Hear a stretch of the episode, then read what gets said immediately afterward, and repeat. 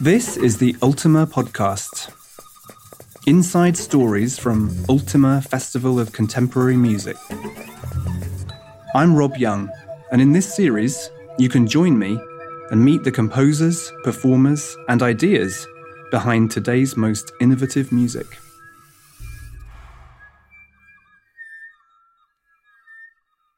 Operas are big productions about big ideas.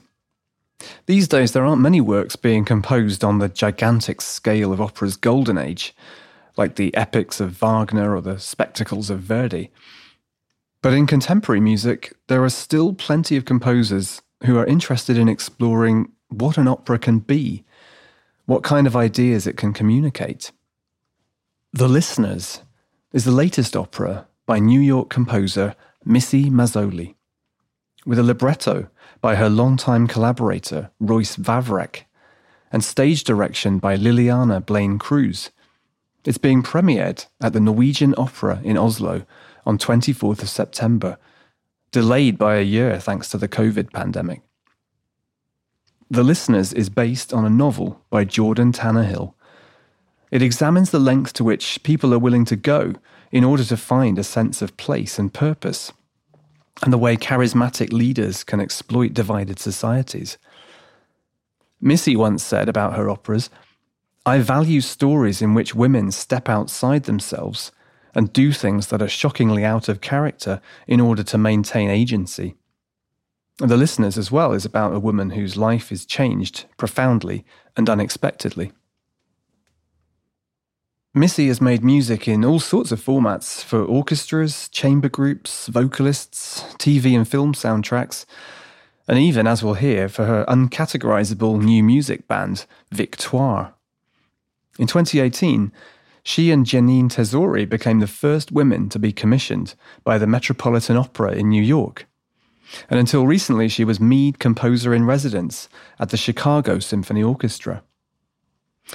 I had this conversation with Missy, Royce, and Liliana in front of a live audience in Oslo a few days before the premiere. Today, I'm really delighted to welcome here um, the people who are behind the premiere of the opera, the listeners at the Norwegian Opera.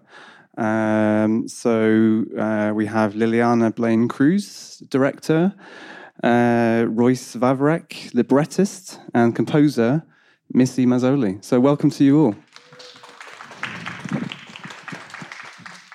Great to have you here on this very cozy uh, stage.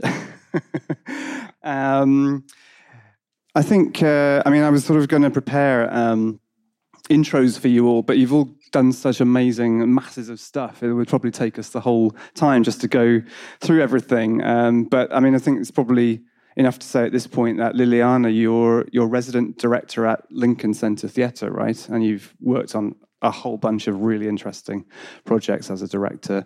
And Royce, you're a librettist. You've got a lot of stuff behind you, and you've worked with Missy on quite a few of her operas in the past. And and you've got some interesting projects.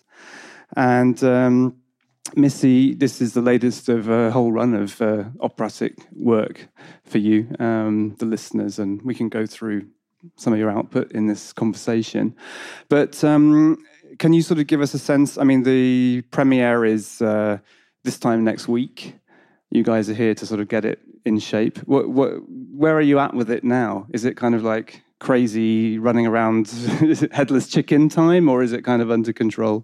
Well, it's interesting at this stage because my headless chicken time was like a week ago. Um, you know, when you first introduced the orchestra to the process and just trying to figure out hearing the music really for the first time. I mean, this is a world premiere, so. Um, and I've been writing it over the last three years. So it, going from being alone in my studio to being around hundreds of people um, who are putting this together, um, and then once that's kind of set, I it's a little bit more relaxed for me now. But now Liliana is in crazy headless chicken time. I mean, can you give us some sense of what the experience of this work is going to be like in terms of the kind of music, the the um, staging. Can you give us a kind of like flavor of what what it's about and also and perhaps we should start with the what the story is. Perhaps Royce, you should you should sure. just uh, tell us where it came from and uh, yeah, yeah. So the story was commissioned from a young Canadian playwright friend of mine, uh, Jordan Tannahill, who I met. He he came to my apartment in New York a few years ago to watch the Oscars. And I was like, oh, I'm going to be in dialogue with this with this fellow. Um, he was doing uh, he was directing a play at the time at the Kitchen in New York, uh, a play by Sheila Heti, who is another one of my um, favorite writers, and uh, and I just he had a beautiful energy about him, and so uh, Missy and I decided that he would be a, a really great collaborator to um, to work on the the seed, the foundations of a story. And so uh, we gave him a couple of prompts, like things that Missy and I had been talking about, or ideas, or like kernels that we were obsessed with.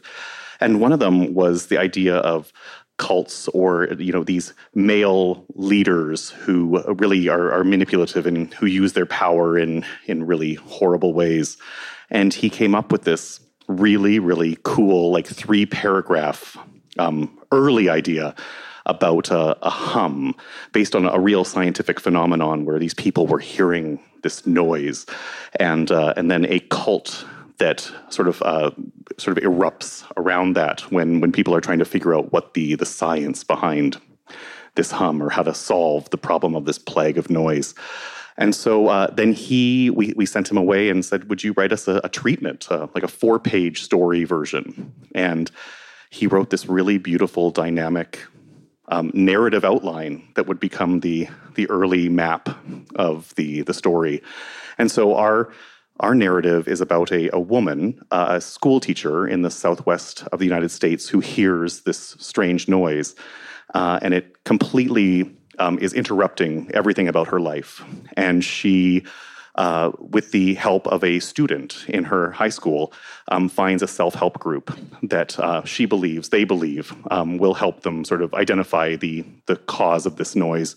Um, but it turns out that it's really a, a front for uh, a really awful man who is uh, who's uh, forcing them to, or forcing this group of people into submission in a way. And uh, uh, and, and through the opera, she uh, finds her her own voice in a way. And, and there's a, as Missy likes to say, there's a, a wonderful twist at the end that you must come to the opera to see. But um, it's a it's a really sort of wild psychological ride through um, through the the foundations of this cult and this woman's particular experience within it.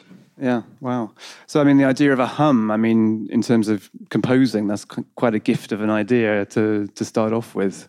How did you approach uh, re- representing that uh, in sound? Yeah, you know, and because one of our ideas that we went to Jordan with was the idea that this should be an opera first. You know, so much of opera is adaptation. Um, you know, whether it's plays or short stories or you know movies or something, and we wanted to do something that had to be sonic in its first um, you know entrance into the world. And so i think that's what inspired jordan to make it about this this noise. And um, you have to come to the opera to see how that is represented in sound. Um, but the the forces of the show are full orchestra um, full chorus a lot of principal singers i think like nine soloists um, and a lot of strange percussion. Um, there's an electronic element. So there's it's kind of like one of these shows that's like everything in the kitchen sink um, but certainly like how to represent this sonic phenomenon which is real. Like there are recordings of these hums from around the world. So there's one in like windsor ontario um, taos new mexico moodus connecticut um, other places all around the world and people have actually recorded them.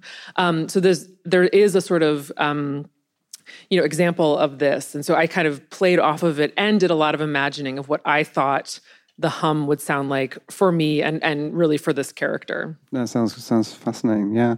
And what about the staging, Lileana? How did you how have you approached that? What what kind of uh, set does that, you know, without if you don't want to spoil it, that's fine. But no, no. I think you know one of the things that um, so excite me about Missy and Royce's work is the suspension um, and it, it, kind of operates like a thriller, right? And I think in terms of thinking about how the stage picture works or how the characters live inside of that tension has been part of the joy of rehearsals, right? It's like how do you how do you stage a thriller? You know, like how do you make it feel alive and how do you stay um, caught up in the tension that the characters are carrying? And I think that's something that, you know, both the libretto and the music allow me to do rather easily because it's all connected to each other. Yeah. Conspiracy theories and these kinds of things that seem to polarize society are, these the kind of things that were that are sort of feeding into this this work? Uh, given the time it's written and so on. Yeah, yeah. I mean, there there are a bunch of I think themes of the work. There's not just one thing that this is about, um, but one of the main themes is the the role of charismatic leaders and the potential for them to manipulate vulnerable populations. So everyone is coming to this self help group. People who hear this noise are. Um, they're all really, really suffering. And they've come to this group often as a last resort.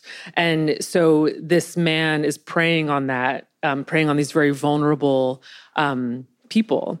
And so that's certainly a dynamic that we see playing out, I think, all over the world, but really very clearly in the US. And we also do have a character who is um, really obsessed with conspiracy theories. And for him, the hum is a government conspiracy that's trying to control his brain. And um, he's an ex soldier.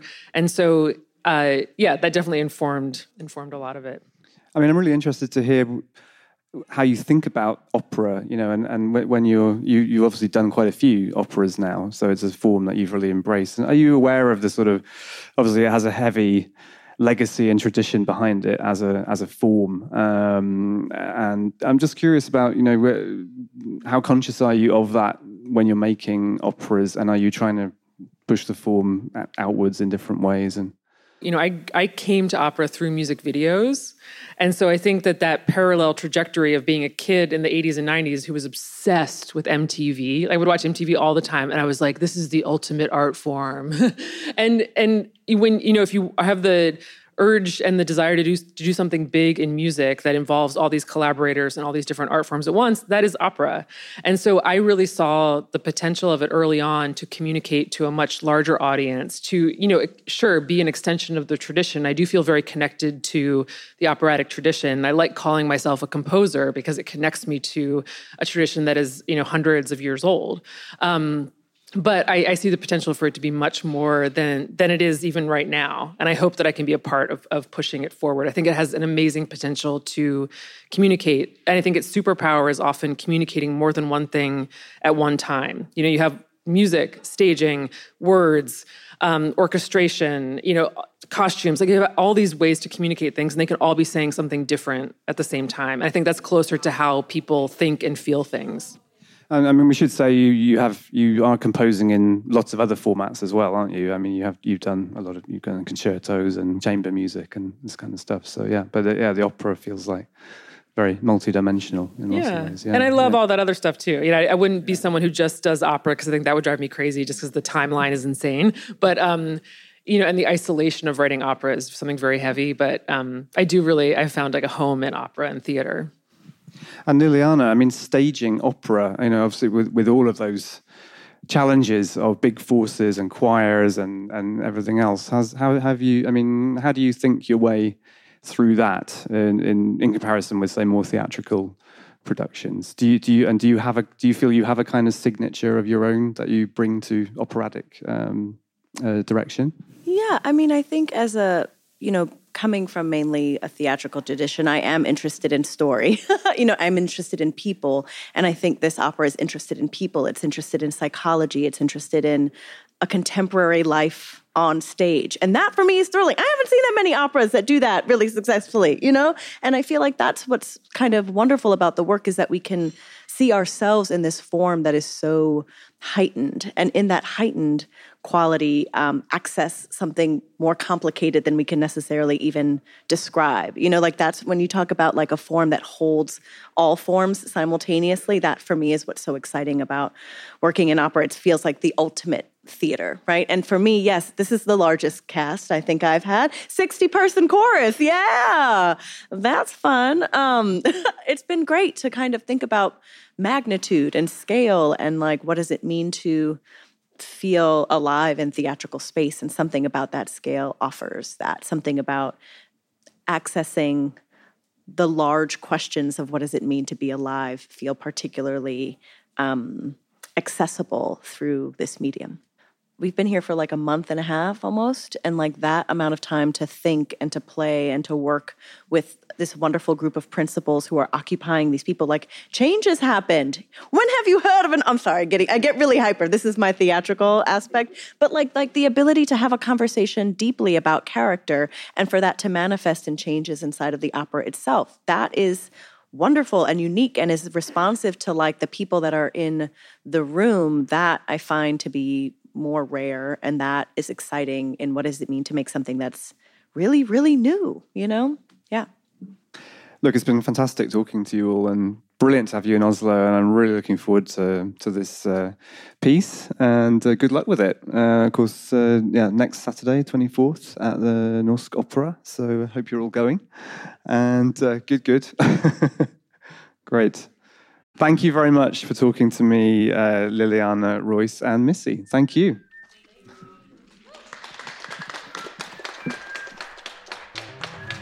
The Ultima podcast is made by Ultima Festival of Contemporary Music in Oslo, Norway. I'm Rob Young. Original music by Christina Sjurgersen.